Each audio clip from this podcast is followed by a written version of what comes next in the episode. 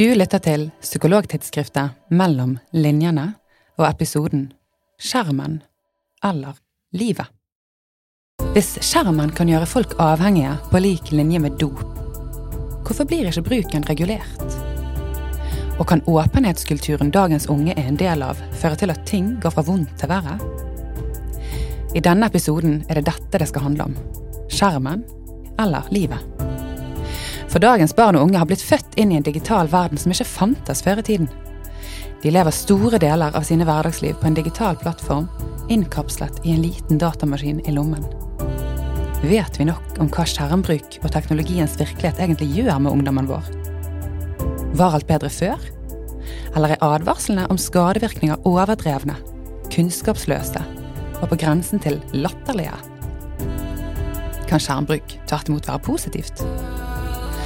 Et annet tema som ofte kommer opp når vi snakker om ungdommer nå til dags, som enkelte liker å kalle de, er hvordan de lever ut sine digitale liv. Åpenhetskulturen, og da spesifikt det å dele informasjon om egen psykisk helse og uhelse, anses å være positivt og viktig for å oppnå forståelse, fellesskap og for å bryte ned tabu og skam. Hjerter, likes, takk for at du deler.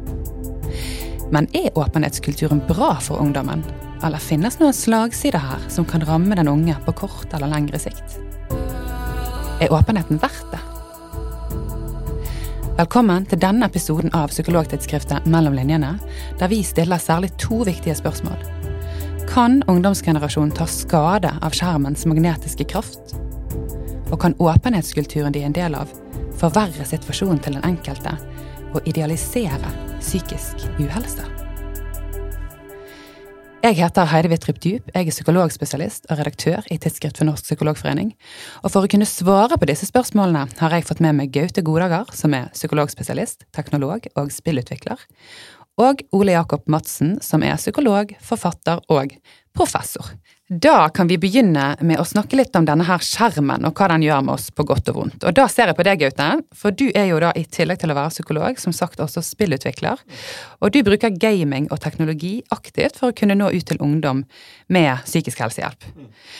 Og i en annen episode, som handler om psykologen og cyberspace, så forteller du og noen andre psykologer om de store mulighetene som ligger i teknologien når det gjelder behandlingsmetoder og effektivisering av helsetjenestene. Men du er i den episoden ganske klar på at du har et elsk-hat-forhold til teknologien.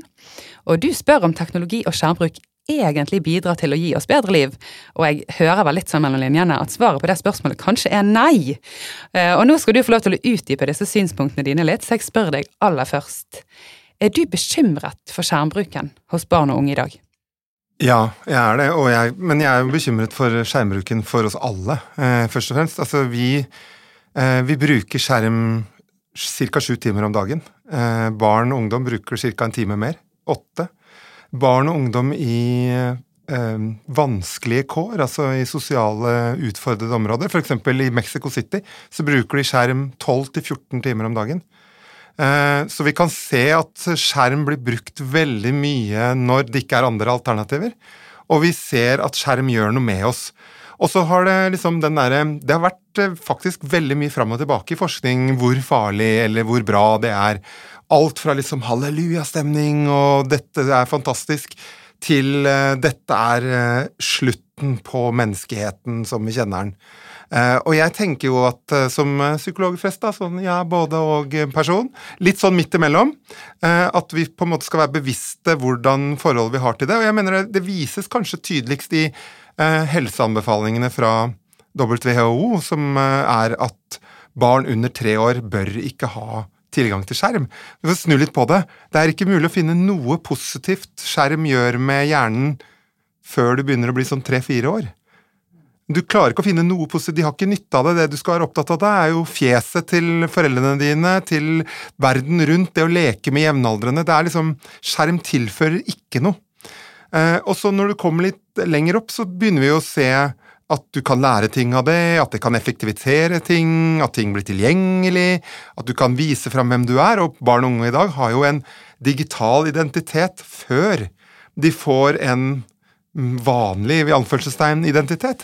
Eh, at de på en måte definerer seg selv digitalt. Og det vi ser med de digitale eh, identitetene, det er at den ligner hvordan skjermen blir brukt. Altså, den er oppdelt. Den er fraksjonert. Så du har en identitet sånn Jeg er sånn her, og så er jeg sånn her. Er, dette er Facebook-jeget mitt. Nei, det er ingen barn som bruker det, forresten. Det var veldig dumt. Nå dummer jeg meg ut. Men dette er Snap-jeget mitt, og dette her er TikTok-jeget mitt. Um, og at du, du, liksom du blir Og det er jo ikke noe dumt å være opptatt av god på roller og sånt noe, men det er annerledes. Og uh, det påvirker oss. Det ser vi at det gjør. Vi ser effekter av det. Selv om det kommer, så er det nye forskning som sier sånn Nei, nei, ikke noe, vi kan ikke finne noe her. Så hvis du tar et blikk ut og ser på metaundersøkelsene som begynner å komme mer og mer om hva skjerm gjør med oss, særlig når du er ung, så ser du at uh, det vi kan si, det er at det øker aktiveringsnivået ditt. Det er vel hvis du tar et steg ut og ser på det fra avstand. Du blir på en måte Det er akkurat som å ta med deg friminuttet hjem. Er det en god måte å tenke om det på? Altså Hvis du tenker på hvordan det var når du satt og konsentrerte deg på skolen, og så gikk du til friminuttet. Å, du kjente det var kjempegøy, alt var fantastisk, venninner, venner. Å, det var liksom Det skjedde masse. Og så var det ned i den der litt sånn å, kjedelige studiet, konsentrere seg i virkeligheten. da. Hvis du tenker at du aldri forlot den uh, skolegården, aldri forlot friminuttet og hadde med deg det hjem, så er det et godt bilde på hva, som, hva det gjør med deg. Altså, du blir aktivert mer, og du blir tydeligere til stede hele tiden, og det finne rom hvor du skal kjede deg, hvor du skal bare sitte og liksom la pulsen falle, liksom, det er utfordrende for unge mennesker, men for voksne også. Det er jo ingen mennesker i Norge, ingen voksne i Norge, som skrur av radioen når bilen stopper i en plutselig kø på motorveien, og sitter og nyter å kjede seg. Da skrur du jo frenetisk på radioen og tar fram mobilen og prøver å opprettholde det aktiveringsnivået du var i når du kjørte fort. Det er ingen som liker den overgangen fra aktivering til ikke-aktivering. Og vi regulerer oss på den måten med skjerm i dag også. Men hvorfor er det et problem? Altså At vi ikke kjeder oss nok, da? Er det, gjør ja, det noe? Ja, altså sånn, Hvis jeg igjen tar et steg ut, så virker det som at det påvirker eh, menneskene til liksom å tåle ubehag på en annen måte, da. Tåle vansker, tåle utfordringer tåle langvarig konsentrasjonsløp. Og samtidig så må jeg bare få lov å si med en gang, jeg elsker jo teknologi. Jeg har jo levd med det hele livet. Eh, og denne, denne fascinasjonen, da, eh, delingen mellom min eh, dype kjærlighet for teknologi, å gjøre ting og skape ting og, og kommunisere med folk og, og, oppleve at vi har samhold gjennom det teknologiske som ligner samhold i det kroppslige, på en måte. Det er veldig, veldig spennende. Og samtidig så ser jeg jo at um, ja, vi ser uh, effekter f.eks. på mennesker som er um, får særlig mye oppmerksomhet. Uh, f.eks. unge kvinner som er vakre og får mye oppmerksomhet. De endrer personlighetsstruktur. De kan få liksom De kan bli mer selvopptatte. De kan bli mer tåle å få motstand mot den de er, mindre. Du blir kjendis veldig ung, da. Og det gjør noe med hvordan personligheten din utvikler seg.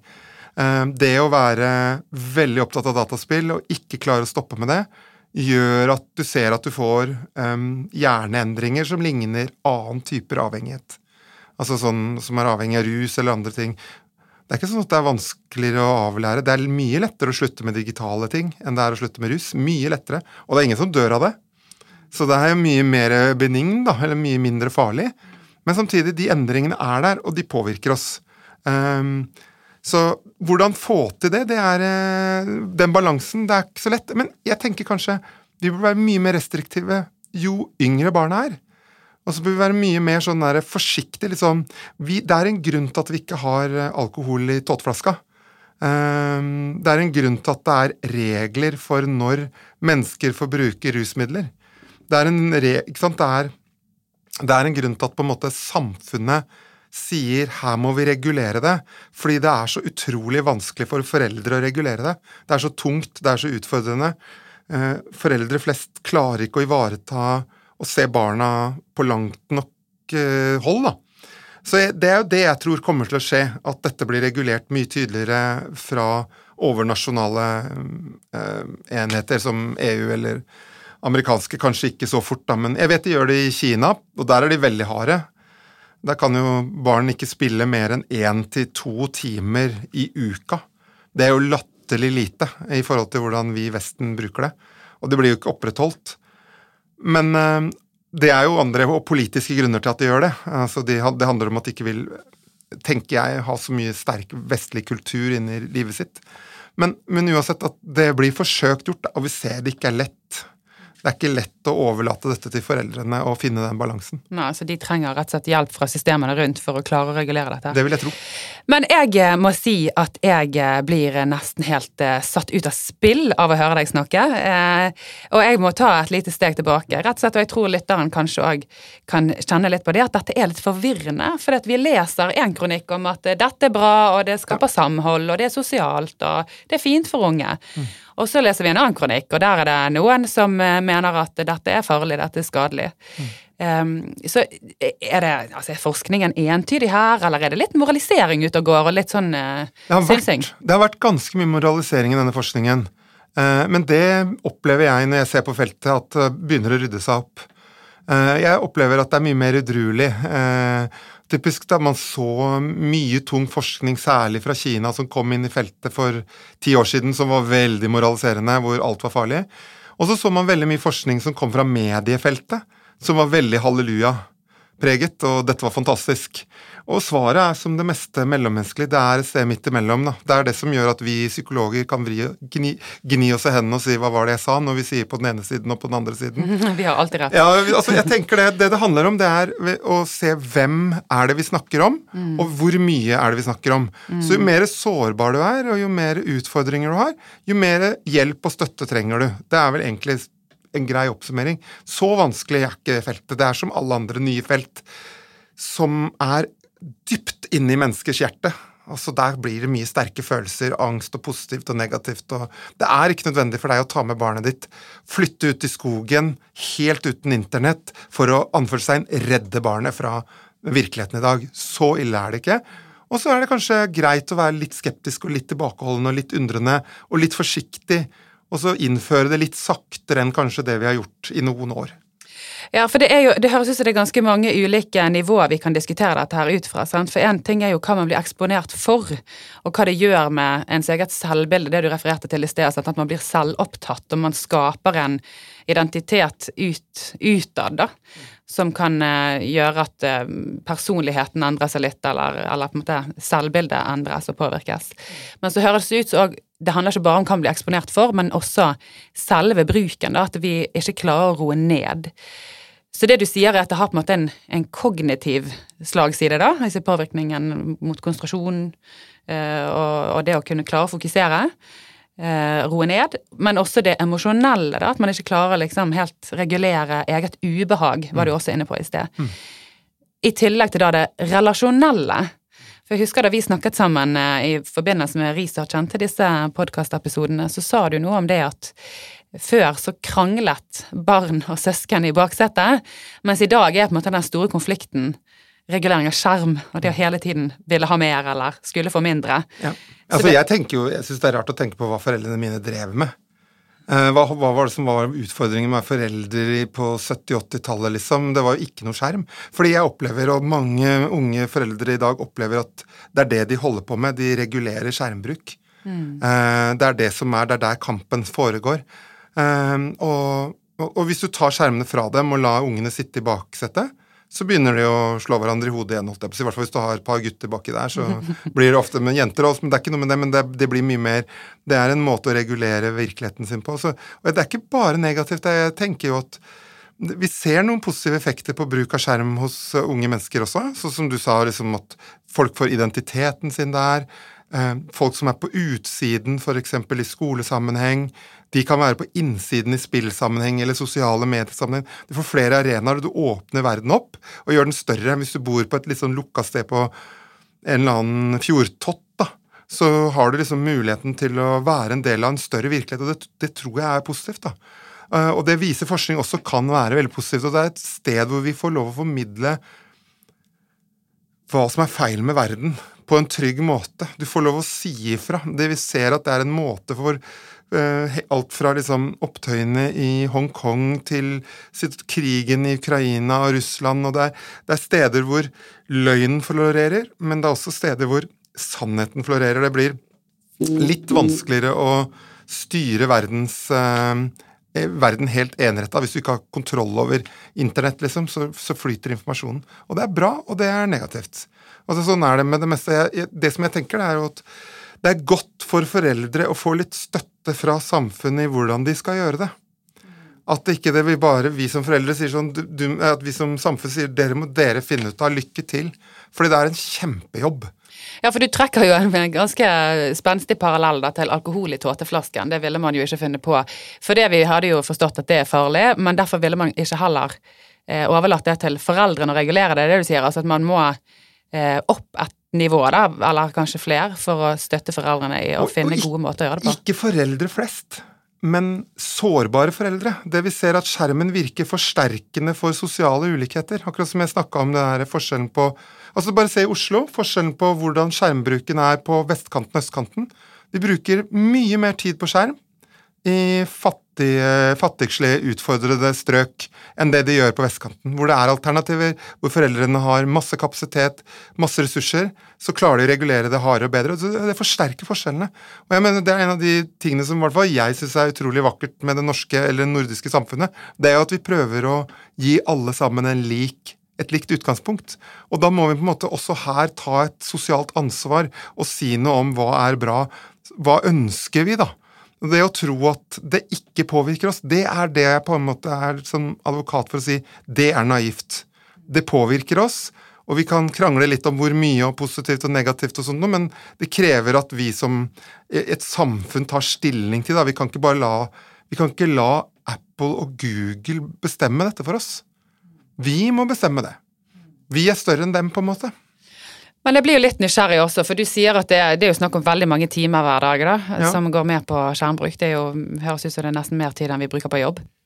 Hvem er denne gruppen som vi da snakker om? Det faktum er i dag at det er nesten alle. Nesten alle. Du eh, 95% av gutter og 85% av jenter eh, i alderen 10 til eh, 16-17 de gamer hver dag.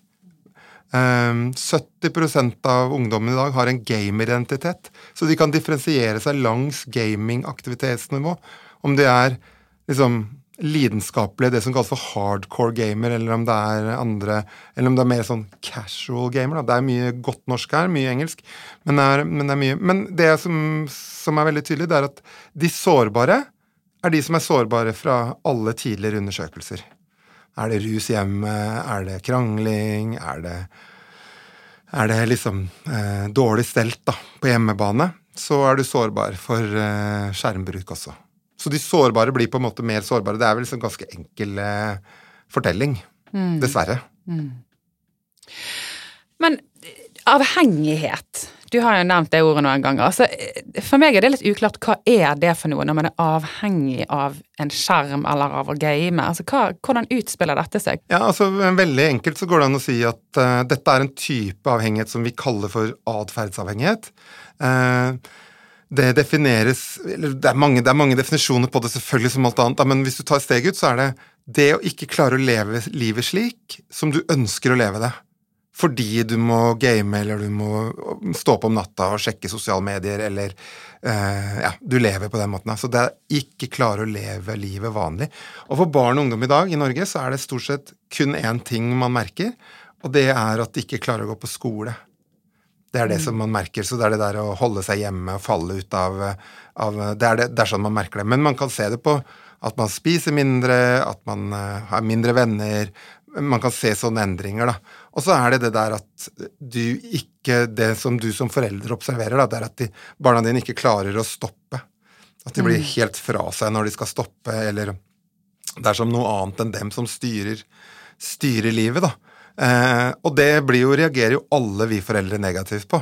Eh, så veldig ofte så når jeg har jobba mye med denne gruppen i terapi, og det der å klare å gjøre spill f.eks. til en hobby, og ikke et liv. Det er, rett, det er den endringen som de trenger å gjøre. Liksom. Hva er en hobby? Jo, det er noe jeg elsker, noe som er bra, noe jeg kan bruke masse tid på når jeg har gjort lekser og vært på skole. Liksom, for å si det helt enkelt, da. Det er ikke noe moraliserende i det, det er bare at det er en forventninger til mennesker om hvordan de skal leve for å leve et vanlig liv. Og det er når de ikke får til det, at man snakker om avhengighet eh, knyttet til dette. Ja, så det må på en måte redusere fungeringen enten relasjonelt eller opp mot skole. Ja, det er en funksjonsdiagnose. Ja, så det handler ikke kun om tiden man bruker, Nei. men om hva det gjør med deg. Ja. Det er veldig presist. Ok, Men hva er det som driver frem den avhengigheten? Hva er det de konkret gjør, eller hva er det som skaper avhengigheten? Eh, hvis, hvis, du skal liksom oppsummere veldig enkelt, så er det det beste ved oss. Eh, det folk opplever det de forteller om at de blir avhengig av, som forskning viser ganske tydelig, at det er de sosiale relasjonene. Eh, de klarer ikke å regulere forventningspress, de klarer ikke å regulere det å være ønsket og det å være likt, og det er jo egentlig en veldig fin ting. Altså, det er jo flinke, smarte unge mennesker som f.eks. spiller, eller som støtter andre i sosiale medier, eller gjør noe positivt, skaper noe fint, da. Det er det som også blir vanskelig å styre. Så det er ingen, da, Hvis jeg tar gaming, da, det er ingen som blir avhengig av offline-spill. Altså spill som ikke er kobla til internett. Nå går det nesten ikke an å få sånne spill lenger, men, eh, men teoretisk sett, da, de blir ikke avhengig av det, fordi da kan de bare sette på pause. Og så kan de leve livet sitt, de kan fortsette der de slapp. Det som gjør at det blir vanskelig å regulere, det er at de er i kontakt med folk. De f.eks. spiller et sosialt spill hvor det sitter 20-30 stykker over hele verden og venter på at du skal dukke opp og gjøre din viktige del, og hvor de jubler når du kommer. 'Herlig! Endelig dukker du opp! Det er så godt å se deg! Fantastisk! Nå kan vi gjøre det sammen som vi har drømt om', da. Og det er det de syns er vanskelig å regulere, og det er jo egentlig en god ting, da. Altså at uh, de syns det er vanskelig å styre det på én måte, fordi det viser at de er påkobla sosialt, og de vil vel, og de er hjelpsomme og lojale individer, da. Så det er ofte den fortellingen jeg ofte forklarer til foreldre også, som er veldig fortvila over barna sine, da. Når de ikke skjønner liksom, Vi har snakka med han om det mange ganger, men han, han blir borte i timevis. Så forklarer jeg det, ja. Det, han står i mål i fotballkampen. Og det å gå midt i en kamp da, det er, være, det er veldig destruktivt for de andre. Du blir rett og slett kasta ut av det sosiale fellesskapet. Så, og det er det vi ser. Jo mer sosialt forpliktende et spill er, jo mer avhengighetsskapende er det. Jo mer sosialt forpliktende sosiale medier er, altså jo mer du gjør noe sammen, jo mer avhengighetsskapende er det. Ja, Så den forestillingen om at eh, den unge på en måte er litt sånn fortapt, den har forsvunnet inn i en digital virkelighet og, og, på en måte gått til grunne, den er liksom ikke helt riktig da. Den har på en måte funnet sin plass mer i et sosialt eh, ja, det fellesskap. Det har alltid vært det sosiale som har vært utfordrende i digitale sammenhenger å regulere.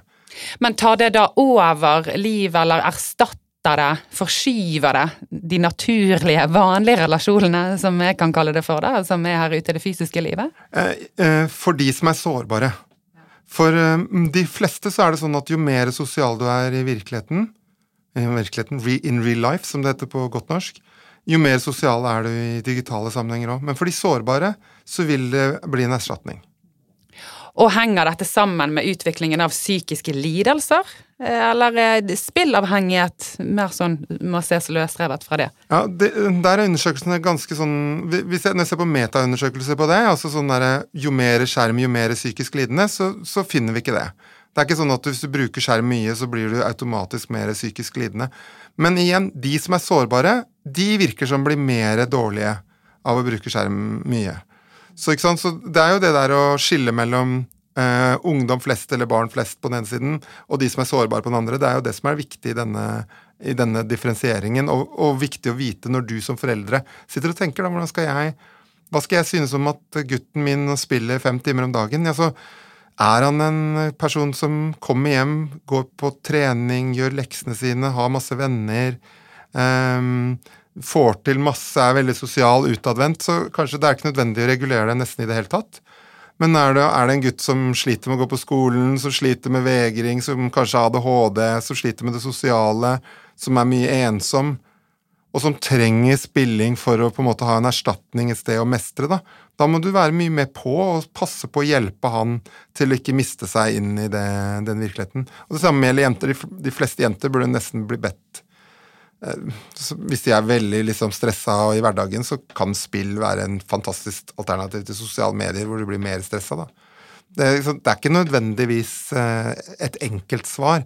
Og det er jo det som er det vanskelige for eh, mange foreldre også. At det er så komplisert. At de spør meg som på en måte er eksperten, og så sier jeg sånn Ja, hvem er barnet, da? Når de sier sånn Hvor mange timer er bra når han er fire år? Altså, hvem er barnet? Eller ti år, eller 15? At jeg svarer litt sånn kompliserende, da. Mm. Um, og det, høres òg sånn ut som det er forskjell på om, eh, om, man gamer eller om man er på sosiale medier. Det kan også få litt ulik innvirkning i persons liv òg, høres det ut som. Ja, samtidig så virker det som om at det er derfor, derfor jeg snakker veldig mye om skjerm. Da. Det virker som det er en del effekter som er ganske like. Mm. Altså, det handler om liksom frekvens og dose. Altså det er noe felles der. Mm. Så det går an å Jeg pleier å snakke om skjermavhengighet, fordi da får jeg fange på en måte den, eh, den store bolken og forståelse. Og så er det viktig å si at vi mennesker er skapt for å være avhengige. Vi er skapt for å elske noe. Vi er skapt for å elske noen.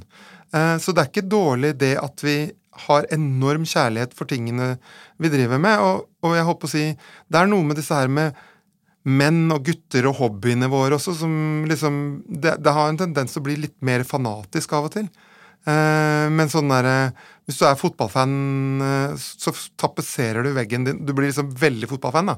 Og det, der, det er noe med det når det gjelder sånn gaming og den verden der, at den ligner litt på sånn sports Eh, fanvirkeligheten i hvordan det uttrykker seg. da. Det uttrykker seg veldig heftig og fyller livet veldig sterkt for det dem det fyller livet til. Ok, Så det kan faktisk være en veldig fin ting da for den unge å drive med skjerm, enten det er sosiale medier eller gaming. Og det er jo litt viktig å understreke, da, selv om vi også hører her at det kan være et stort alvor knytta til overdreven skjermbruk, og da særlig for de som er mer sårbare enn andre, og som i ytterste konsekvens utvikler avhengighet og da begynner å leve i en tilværelse der bruken går litt utover skolegang og selvregulering og nære relasjoner. Og nå ser jeg på deg, Ole Jakob, for jeg vet du kunne nok ha sagt mye om unges skjermbruk på godt og vondt, du også. Og mange kjenner det nok også på bakgrunn av dine bøker og andre tekster som omhandler både generasjon prestasjon og ulike utfordringer som knytter seg til skolen. Men her i denne episoden da, så vil jeg gjerne fokusere på åpenhetskulturen, som jeg nevnte innledningsvis, som ungdom også i aller høyeste grad er en del av. Men før vi kommer så langt at vi går mer inn på dette med åpenhet, ser du noen sammenhenger mellom åpenhetskulturen vi i dag til dels både dyrker og fremelsker, og måten vi alle, da, men kanskje særlig unge mennesker, bruker skjerm og sosiale medier på? Ja, eh, jeg gjør det i høyeste grad, fordi Um, det vi kanskje har vent oss til, da, men som uh, likevel er rimelig nytt, er jo at vi har fått en både medieutvikling og teknologiutvikling som i stor grad legger til rette for en slags demokratisering, altså at uh, stadig flere mennesker, ikke minst unge mennesker, da, kan um, uttrykke seg sant, på, på sosiale medier. Uh, så hvis vi går litt tilbake da, til midten av 2000-tallet, Um, så er det f.eks. en sånn berømt forside av Time Magazine, som pleide å ha en sånn berømt årets person da på forsiden. I 2006-utgaven så var det bilde av en sånn blank dataskjerm, altså med overskriften You, da. Og så var det liksom overskriften var at uh, You control the information age, uh, altså det er du som er i førersetet nå. Uh, og hvis du husker noen av de der sosiale plattformene som kom der, så spilte de jo på en sånn Altså at det var plattformen for å uttrykke din identitet. Det var MySpace, ikke sant, iTunes, eh, YouTube, eh, ikke sant, som, eh, som kom da som, på den tiden her, da. Og da var kanskje også tidsånden um, preget av en litt mer sånn pionerånd og en sånn optimisme, ikke sant, at dette var veldig demokratiserende og muliggjørende, og, og det var det jo, var det jo også, sånn 2006-2007. Så jeg tenker jo at dette, dette, legger veldig mye av grunnlaget da, for at vi kan snakke kanskje om en slags åpenhetskultur i dag, og den nye åpenheten også om psykiske lidelser, som vi kanskje skal snakke litt om. altså at um, Dette gir kanaler da, ikke sant, for stadig flere, ikke minst barn og unger, da, til å, å uttrykke identiteten sin, dele ting, men også da dele lidelser eller sykdommer, diagnosegrupper, finne fellesskap, finne seg en identitet på tvers som ikke var mulig i samme grad tidligere. da. Ja, så kanskje har det vært en eller annen form for utvikling fra der man i starten brukte det mer som en plattform for å gi uttrykk for hvem man var og bygge identitet på den måten, via det å finne fellesskap og felles interesser, til den bruken der man etter hvert også har funnet fellesskap i hverandres lidelse, da. Ja, eh, jeg innbiller meg jo kanskje at mange av det Altså, når dette her kom, da, så, så var det vel en sånn slags idé om at man eh, Ja, kanskje både skulle skape seg en identitet, men også at det var noe sånn frihets...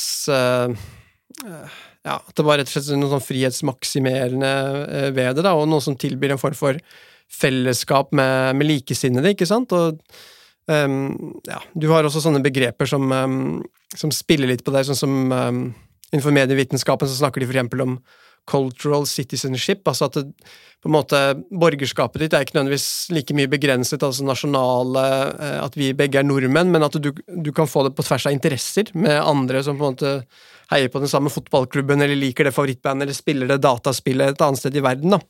Men etter hvert så skjer det kanskje også at du kan også få sånne fellesskap med noen andre som har den samme diagnosen som deg, som du oppfatter har den samme personligheten, eller som kanskje da driver med den samme formen for selvskadingen, ikke sant. Så, så eh, det, jeg skal ikke si at det kommer ut av kontroll, men altså at det kan ha en del ulike sider som man kanskje ikke i like stor grad um, tenkte på. Da. Så, så, allerede på begynnelsen av 2000-tallet så er det en sånn forsker som heter um, Eva Ilou, en kultursosiolog, som har skrevet mye om sånn fremvekst av sånn terapeutiske kulturer, da, som betegner det som altså Hun kaller det for virtuelle lidelsesfellesskap. Da, altså at sånne nettverk som danner seg rundt ulike psykiske lidelser eller diagnoser. Um, som, hvor man kanskje både finner en um, tilhørighet med jevnaldrende, mye forståelse, men hvor du kanskje også kan bli bekymra for at det blir en sånn um, ja, At man heier på en måte hverandre fram, og det gjelder nesten å sånn overby hverandre på sett og vis. At det kan også være noen sånne skyggesider ved det. Ja, det høres ut som noe av dette kan være litt destruktivt. Da. Altså Når du nevner selvskading og jeg tenker på spiseforstyrrelser, altså den type diagnoser kan vel kanskje være ja, ganske nedbrytende? Ja, NRK hadde jo f.eks. en sånn serie for et par år siden sant, om Instagram og, og selvskading. Uh, hun journalisten gav, gav ut en bok også som heter Det mørke nettet, ikke sant, som viste også hvordan ja, en del av disse Instagram-fellesskapene antakeligvis hadde muliggjort liksom en sånn deling både av selvskading og, og selvmord osv., så, videre, så kan man diskutere um, i hvor stor grad det ville ha skjedd eller ikke, da, men i hvert fall at det, det muliggjorde det på en, ny, på en ny måte. da. Ja, så Det er absolutt en sammenheng mellom åpenhetskulturen og skjerm og sosiale medier. Samtidig så høres det ut som den hva skal jeg si, negative åpenheten, da, den som knytter seg til psykisk uhelse og mer destruktiv bruk av deling, at den har blitt stadig større. Er det en riktig oppfatning fra min side? Ja, og det handler nok om noen andre ting også, da. Ikke sant at jeg tenker at den her eh, mer teknologiutviklingen er bare en del av det, men det er på en måte kanskje en sånn viktig materiell side som, som muliggjør det for at stadig flere kan bli med i det, da. Men ofte når vi snakker om den nye åpenheten, så refererer de ofte til altså type kjente influensere eller kulturpersonligheter som snakker om sin psykiske helse, eh, ikke sant, som ofte da blir De får um, anerkjennelse for, eksempel av, av psykisk helseorganisasjoner osv. At det er en sånn tanke da om at hvis en berømt eller fremgangsrik person da forteller om sin spiseforstyrrelse eller sitt uh, pillemisbruk, så vil det være lettere for andre uh, å stå fram, og mindre skamfullt for andre. At det rett og slett er en sånn trickle down-effekt som man snakker om i økonomien, at det, det, det drypper ned på, på alle. Da. Um. Har du identifisert noe på en måte startpunkt her, der du så at der skjedde det en endring?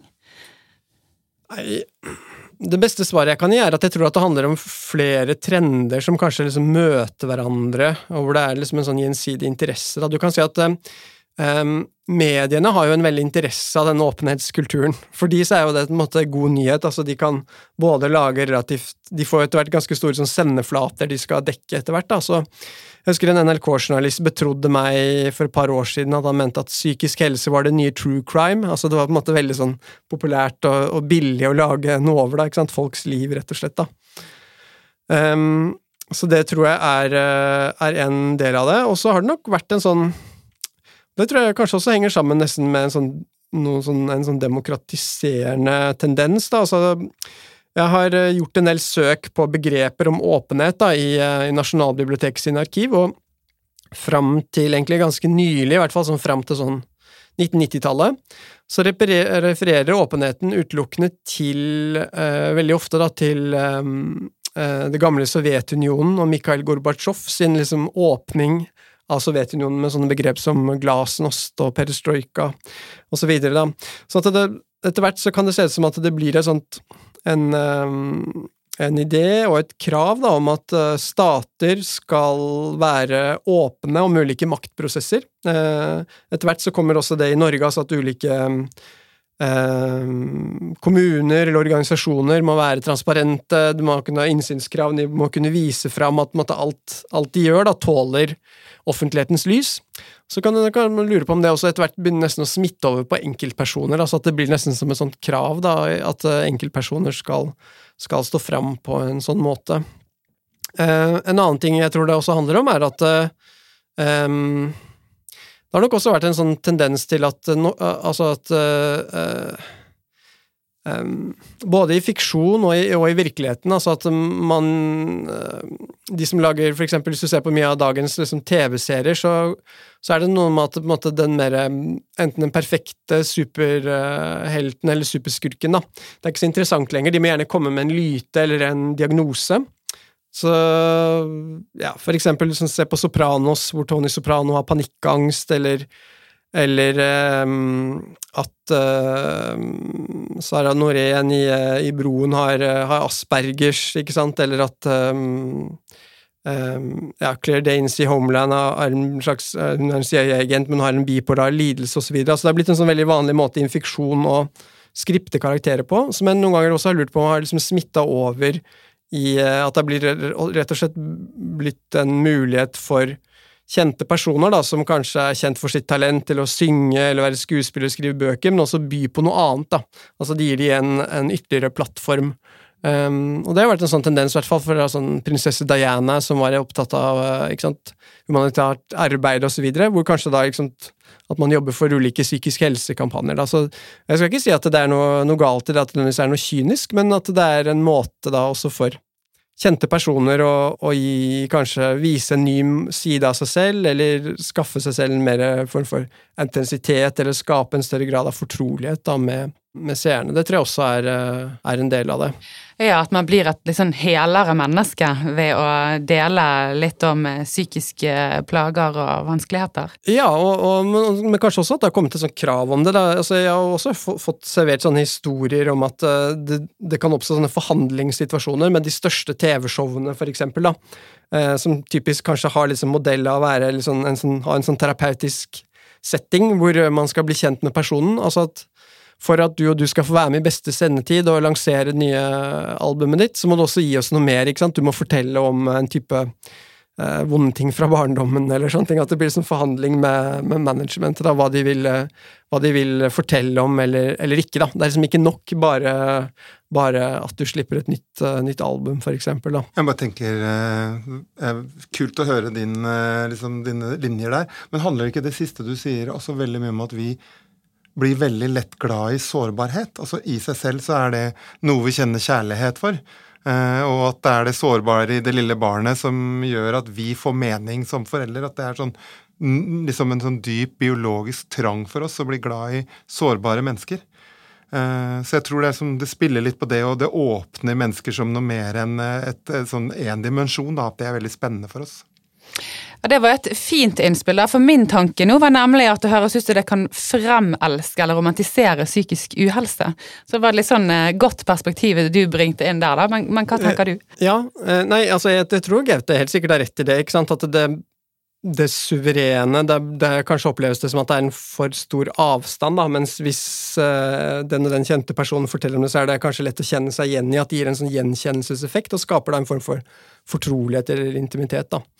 Samtidig så har jeg nok vært bekymra for det du sier, da, at det kan føre til en sånn romantisering, eller, eller, rett og slett at det blir et sånt Um, altså Denne åpenheten er jo ikke for, for, alle, da, for den fordrer jo at du er i stand til å fortelle en sammenhengende historie, om, selv om det kan være en vond og vanskelig ting. altså At du er ganske artikulert, og gjerne også at du har noe spennende å, å by på. på en måte da, Du bør helst også være, være, noe mer. så Det er liksom en sånn totalpakke der da, av en, en hel del krav som kanskje ikke er helt forenlige med det vi tenker på som psykisk lidende mennesker, rett og slett. Altså, Se for deg på en måte personer med alvorlige depresjoner eller noe sånt som knapt nok orker liksom å eh, svare så veldig mye i det hele tatt, eller si så mye i det hele tatt. da. Altså, altså, Det må liksom gjennom en slags sånn kvern, enten eh, hos de offisielle mediene eller sosiale medier, på en måte et slags filter som skal gjøre det attraktivt å, å kommunisere noe til, til omverdenen. ikke sant? Så, så det er jo på en måte en i verste fall da, kanskje en litt sånn innsnevring av hva som er, eh, er psykiske lidelser, og i hvert fall bare en, en, en, del av det, som kanskje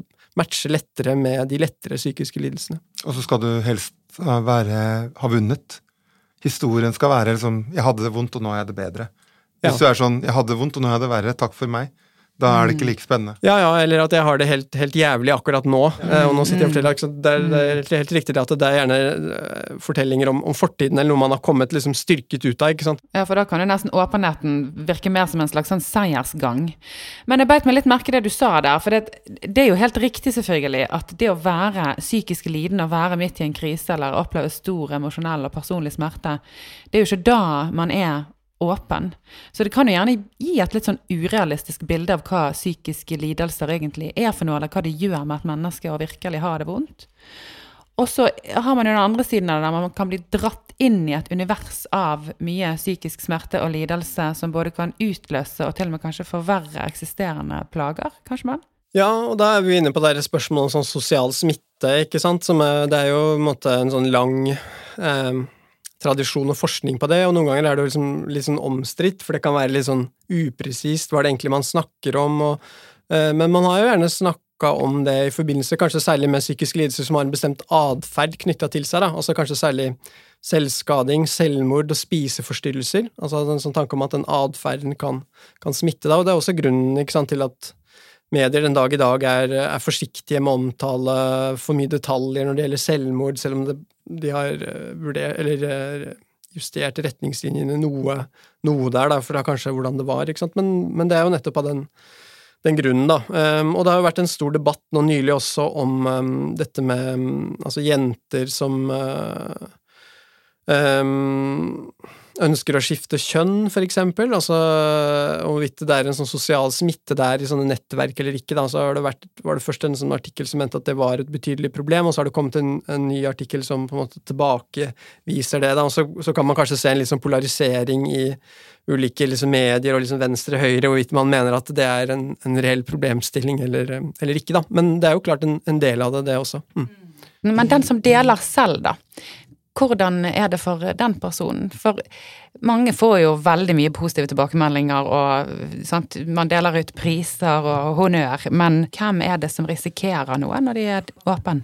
Nei, der opplever jeg at det har vært en liten endring, da, kanskje fra en veldig sånn optimistisk sånn åpenhet, åpenhet, åpenhet, vi kan ikke få for mye av det, og um, selv om det kanskje koster mye for de som eksponerer seg eller åpner seg, da tenker jeg for eksempel da når altså to av NRKs mest kjente sånn, programmer, da, og eksempler på det her, altså dette um, Helene sjekker inn og Jeg mot meg, altså med, med Peder Kjøs, som jo ble Fikk veldig mye anerkjennelse i det kom, så var det jo um, en av deltakerne der, husker jeg, som sto fram da, og, og liksom fortalte at ja, dette hadde en pris, men det var så viktig det hun kommer med, at den prisen var hun villig til å betale. da. Og så har det jo da kommet nå forskning. Eh, Kjersti Låkan og Kjersti Torbjørnsrud og Espen Ytreberg, altså medievitere, som har intervjua flere av deltakerne, for eksempel, da, fra uh, Jeg mot meg, og også som vært, flere som har vært med på Helene sjekker inn, som, som, finner at ja, for de fleste så, så, var det fortsatt en Eller de sier at det har vært en positiv opplevelse, men ikke for alle. Og det handla noen ganger om at de følte at de mista um, regien over sin egen historie, altså at de kanskje kunne komme til å angre seg. Det var, de følte kanskje ikke at de ble fulgt godt nok opp. Altså, um, så da ble det jo en sånn diskusjon da, om uh, skal vi si, uh, presseetikken trumfa helseetikken, rett og slett, da, om dette var på en måte sårbare mennesker som i større grad burde, blitt beskytta mot seg selv. Altså, jeg opplever i hvert fall at vi har kanskje blitt litt mer nyanserte der, og, og litt mer sånn eh, nøkterne enn en det vi var på en måte i hva skal vi si, i hvert fall den åpenheten på, på TV sin, um, sin, litt mer som barndom for noen år siden. Mm. Men er det din erfaring at de som deler, da, de som er åpne, har de et reflektert forhold til hva det kan koste de? For det, det vil jo ha noe å si hvordan omgivelsene tar imot denne åpenheten, og hva reaksjoner de har. Ja, nå er vi kanskje litt mer over på, på Gaute sitt område, det kliniske området, da, men, men dette handler jo ja, eksempel om problemstillinger. Altså hvordan vil dine foreldre reagere da, hvis du forteller om noe, noe nært og viktig for deg på, på Instagram først, eller, eh, eller, på TikTok først, ikke sant? Altså det er en del sånne problemstillinger der, eller hva hvis ting endrer seg, og du kan komme til å angre deg, og det finnes der ute, du måtte bli kjent for dette, er det noe du blir liksom assosiert og bærende med på i, uh, i lengre tid, osv., så, videre. så Så det reiser jo en del sånne problemstillinger. Mm. Ja, for man kan vel bli møtt med ytterligere fordommer, og man kan vel kanskje til og med bli mistrodd for intensjonene ved å dele. At uh, man tror at man prøver å oppnå noe, litt sånn apropos det du var inne på i sted med at nå er det ikke lenger nok å ha talent, man må ha en historie i tillegg. Sånn at går det an å mistenke folk for at man har nærmest konstruert en historie for å ha noe å fortelle? Ja, jeg tenker jo at den mistanken kommer fordi åpenheten slik vi søkte den, eller som var mye av drivkraften, tenker jeg jo at folk skal kunne få lov å fortelle om hva de sliter med til sine nærmeste. Og det er jo en stor forskjell å dele det med sin nærmeste og dele det med hele Norge, eller hele verden. Altså hvorfor Det er jo ikke hele verden som trenger det, og det man tenkte da, jo, hele verden trenger det fordi det vil bryte ned grenser og gjøre det lettere for folk å søke hjelp, f.eks., eller snakke om selvmord og tanker de har og sånn. Og kanskje, men du har f.eks. ikke sett at den gruppen som oppsøker helsehjelp for psykiske problemer, f.eks. unge menn, da, de forskjellen på antall som søker helsehjelp blant unge menn og unge kvinner, fortsetter å øke. Det er fremdeles flere unge kvinner som søker helsehjelp. Eh, og at en sånn høyere delta, da, flere hvert år som søker der, og prosentforskjellen øker. Så det er liksom Det virker kanskje, men virker det for de som på en måte kanskje slet mest med stigma, og mest med stillhet? Det er jo interessant, syns jeg, å se på dataene til, da. Mm. Ja, det, det, er et godt poeng, og jeg opplever nok også på en måte at dette åpenhetskravet, f.eks. at man skal åpne seg og snakke mer om følelsene sine og sånne ting, også noen ganger kan bli en litt sånn tvangstrøye som man bare trekker nedover ethvert problem, da, også i forhold til menn, altså at nå må måte, disse, disse tause mennene bare begynne, begynne, å snakke og bli mer som, som kvinne, eller utvikle på en måte en nesten sånn terapeutisk kapital, da, hvis vi kan, kan, si det på den måten, og, snakke om seg selv på en mer um, gjennomtenkt og artikulert måte, så vil de også bli mer attraktive for, for kvinner, for eksempel, og så. Og så er det jo på en måte en del sånne ja, eh, antageligvis er det veldig generaliserende for alle menn, og så er det jo kanskje også for en del menn da, som opplever å være, forbli ufrivillig barnløse eller på en måte bli valgt bort, da, så er det jo kanskje også noen sånn demografiske utviklingstrekk som på en måte går litt imot de, som ikke, ikke er så lett bare å reversere med en sånn åpenhetskultur. Da, at det noen ganger også kan bli et liksom lettvinte svar på egentlig ganske sånn sammensatte ting, som også selvfølgelig handler om kvinners økte valgfrihet, som de fleste vil tenke på som en, en bra ting. ikke sant? Ja, for det du sier nå får meg jo egentlig til å lure på om denne åpenheten er for alle. For det forutsetter jo på mange måter et språk for følelser, for hvordan man har det. At det er naturlig å snakke om seg selv og sitt indre liv på den måten. Da. Og det er jo nærmest ikke sant for uh, veldig mange mennesker og veldig mange grupper, egentlig. Risikerer man ikke at det å overfokusere på verdien av å være åpen også kan skape større avstand til enkelte grupper, og dermed nesten egentlig være med på å heve terskelen for at de får hjelp, eller søker hjelp? Jo, ja, jeg har tenkt litt det, det du sier noen ganger, at jeg, jeg, jeg er usikker på om denne, det, om, om denne liksom, trickle down-effekten fra f.eks. kjente personer som skal gjøre det lettere for folk der ute, alltid stemmer, eller om vi egentlig alltid er blitt så mye mer åpne, da, hvis du skal si, går gjennom hele Norges land i alle mulige kulturer, eller om vi snakker om noe mer sånn spesifikt, når vi snakker om liksom angsten på den røde, røde løperen eller, eller influensere.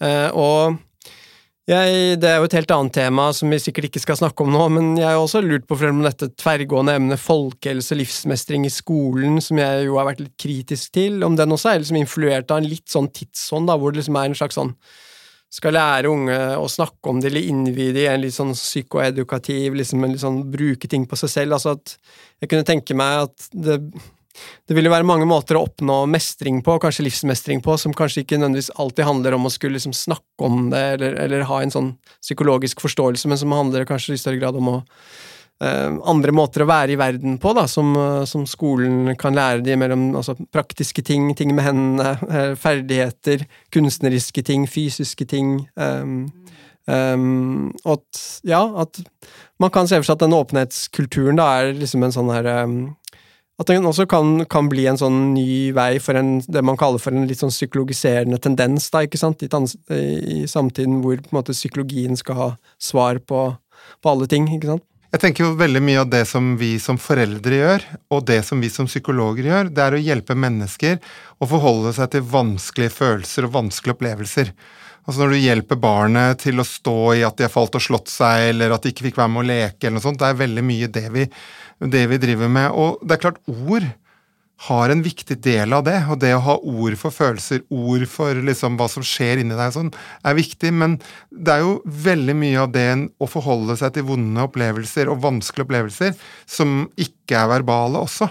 Det handler om nærhet, det handler om kropp, det handler om blikk, det handler om en mellomkroppslig dans som vi hjelper hverandre til å stå i ubehag. Eh, så jeg føler liksom det med ord Jeg opplever jo at samfunnet i dag er bedre enn det var for 100 år siden. Og det er ikke noe tvil om at psykologien har vært en viktig faktor for å gjøre samfunnet til bedre, eh, et bedre samfunn enn det var for 100 år siden. Og at vi har en litt sånn eh, forskningsbasert, udruelig stemme til hvordan vi skal forholde oss til hverandre. da. Eh, men at det er løsningen på alt, og at det kan fort bli litt sånn litt smalt hvis vi, tror, hvis vi stopper der. Da må vi utvide litt, på en måte. Eh, men jeg syns ikke eh, vi skal på en måte si at det å dele er i seg selv en utfordring. Det er liksom bare hva deler vi hvor og med hvem? Det er det jeg føler i den sammenhengen, da. og og ja. som, som, kliniker. Mm. Og når du deler det på internett eller via de sosiale plattformene da, eller sosiale medier, så vet du vel kanskje ikke helt hvem du deler det til, og hvordan det blir mottatt, og hvordan det blir eventuelt brukt i fortsettelsen. da. Uh, og det du er inne på, Gaute, er jo også det at én ting er jo å sette ord på, kanskje, det som man opplever, men, eller føler på, men du legger jo til òg at det har en verdi, dette med den kroppslige nærheten og den mellommenneskelige dansen da, som oppstår eh, ofte som en konsekvens av at man har delt noe. Men hvis man deler det ut i internett, så forsvinner det jo inn i noe som man ikke helt vet hva er, da.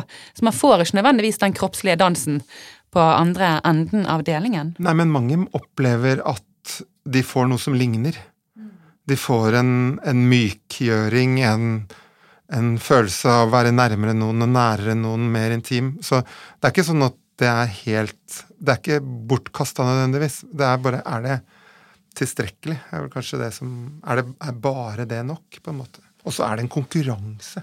Det opplever jeg veldig ofte, at det er noe en destruktiv kraft som kommer inn eh, på nettet. At det begynner å konkurrere om å lide mest. Eh, eller ha det verst, eller ja. ja. Ja, det tror jeg også, og det er vel også en av de tingene som er blitt kommentert, da, med kanskje noen av begrensningene med den åpenhetskulturen, at det kanskje også blir en litt sånn logikk hvor det man Nå er det ikke nok med det som på en måte bare hadde nyhetens interesse for eh, et par år siden, nå trenger man liksom å stå frem i enda større grad, ikke sant, og uh, ja, det, det, er liksom noe med en sånn iboende logikk, da, at det må bli på sett og vis mer og mer um, ja, nådeløs eksponering for at det skal ha en sånn nyhetens interesse, så det kan jo være litt skummelt hvis det blir kobla opp mot Eh, det at man forutsetter å få en sånn eh, tilstrekkelig manges oppmerksomhet tilbake. Hvis ikke så er det et nederlag, ikke sant, så da gjør man jo seg avhengig av en sånn form for um, Ja, som er mer kanskje knytta opp til en sånn nyhetslogikk, ikke sant, at det må være noe, noe ha nyhetens interesse for at det skal være verdt å lytte til, og, og, sånn er det jo ikke, ikke sant, når vi deler, eller forhåpentligvis da hvis man deler seg for, for andre, ikke sant. Ja, for kan man risikere at man flytter grensene litt, eller flytter forventningene nærmere det som er sykt, og lenger bort fra det som er normalt og vanlig. Jeg skal ikke si at det er et sånt kjempeproblem, men det var jo en av de tingene som ble kommentert da, som en sånn bekymring rundt eksempel det der eh, selvskadingsnettverket på Instagram, eksempel, at det ble nesten som en sånn logikk, da mente noen, hvor man da forsøkte å overby hverandre for, for å rett og slett få få um, interesse fra de andre, andre, brukerne, ikke sant. Så det er jo Man kan jo ikke utelukke at det, det oppstår. Jeg tenker at det er ikke sånn at uh, det, eh, ha et digitalt forum hvor du kan nå hele verden, ikke også brukes destruktivt. Altså, tenk på eh, marginaliserte unge menn som finner hverandre som inceller, eller som blir eh, radikalisert enten mot høyre eller mot islam, eller islamistisk. Altså, vi kan bruke dette mediet og det, det å skape den den der nærheten til mennesker. Det, du gir Det er enormt mye kraft, og det er masse, masse, masse makt i dette. Og det kan brukes positivt, og det kan brukes negativt. Og det krever jo et sånn veldig villig, så aktivt forhold for alle mennesker til å liksom tenke hva gjør vi med denne digitale virkeligheten? Er det greit å bare si nå overlater vi verden til AI, eller er det oss som må bestemme det? Ja, og det er jo egentlig et veldig viktig perspektiv du løfter opp nå når vi går mot slutten av denne episoden, nemlig det at det, eh, kan brukes på godt og vondt, da. Og hvordan skal vi forholde oss til dette? Det er jo også noe du var inne på i den andre episoden som du var med i, Gaute. Hvordan skal vi forholde oss som mennesker, som medlemmer av samfunnet, til det faktum at digitaliseringen og teknologien påvirker oss som samfunn og som mennesker? Og du har jo sagt i denne episoden at du er bekymret for eh, skjermbruken. Og før vi runder av, så vil jeg jo gjerne høre med deg, Ole Jakob. Er du også bekymret? Eh, og da spesifikt eh, rundt denne åpenhetskulturen? Um, ja, ja og nei. Altså fordi ja, hvis det er sånn at de opplever det som, som påtvingende, og at det har blitt som en sånn dyd av nødvendighet, at, man er nødt til å delta i den, uten at man kanskje alltid finner det like naturlig eller like, like passende, så er jo det er jo det bekymringsfullt, da, men kanskje nei, fordi jeg har vel en følelse noen ganger også at det kanskje er noe litt sånn overdrevet ved, ved at vi snakker om det, at det, de mellommenneskelige sosiale normene endrer seg tross alt ikke så så, så raskt. Da. Så, så, jeg tror fortsatt at hovedproblemet like gjerne kan være den gamle lukketheten, for å snakke om det, da, hvor man på en måte um, Ja. Enten at uh, psykisk syke blir sett på som uh, som farlige, eller at det er noe på en måte um, sykelig ved det, eller at de blir diskriminert av arbeidsgivere, eller at det er på en måte sårbare sider da, som man ikke tør eller, uh, å dele, dele, med andre. Da. Uh, så jeg tror, tror, fortsatt at det Eller at rett og slett at lidelsen må holdes innenfor liksom, privatsfæren. Så jeg tror fortsatt at det er liksom, et, et, hovedproblem, uten at jeg mener at det er måtte, bare mer åpenhet og mer åpenhet som er, er, svaret på det, eller løsningen på det. Da. Men, uh, så konklusjonen, hvis jeg skal prøve meg på en liten oppsummering her, er som vanlig det kommer an på. Som Gaute påpekte tidligere i denne episoden, så er det ikke helt uvanlig at vi psykologer må avgi svar som er litt sånn på den ene siden og litt på den andre siden.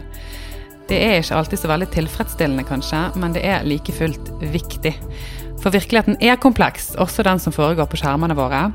Og vi skal ikke gjøre oss skyldige i å overforenkle den. For skjermbruk, det kan være bra. Det kan skape identitet, fellesskap og mestring. Men det kan også være til hinder for å ta del i en meningsfull hverdag og finne sin plass relativt til andre. Det kommer rett og slett an på, og som ofte dessverre er tilfellet, vil det være de som allerede er sårbare, som også påvirkes mest negativt. Det samme gjelder kanskje også åpenhetskulturen vi er en del av. Ja, den kan skape destruktive fellesskap. Den kan fremprovosere en konkurranse i å være mest mulig lidende. Men åpenhet kan også skape gode og meningsfulle fellesskap. Fjerne stigma. Og det kan gi støtte og rett og slett et dansegulv for det mellommenneskelige. For vi vil jo ikke tilbake dit der psykiske lidelser ble gjemt bort og menneskelig smerte var forbundet med skam. Mennesket er komplekst, konteksten er sammensatt, og da blir også psykologien det. Dette var den foreløpige siste episoden av psykologtidsskriftet Mellom linjene, og vi håper dere har satt pris på temaene vi har dekket. Men følg med, det kommer bonusepisoder, og hvem vet hva fremtiden bringer. Takk for at du har hørt på, og takk for nå.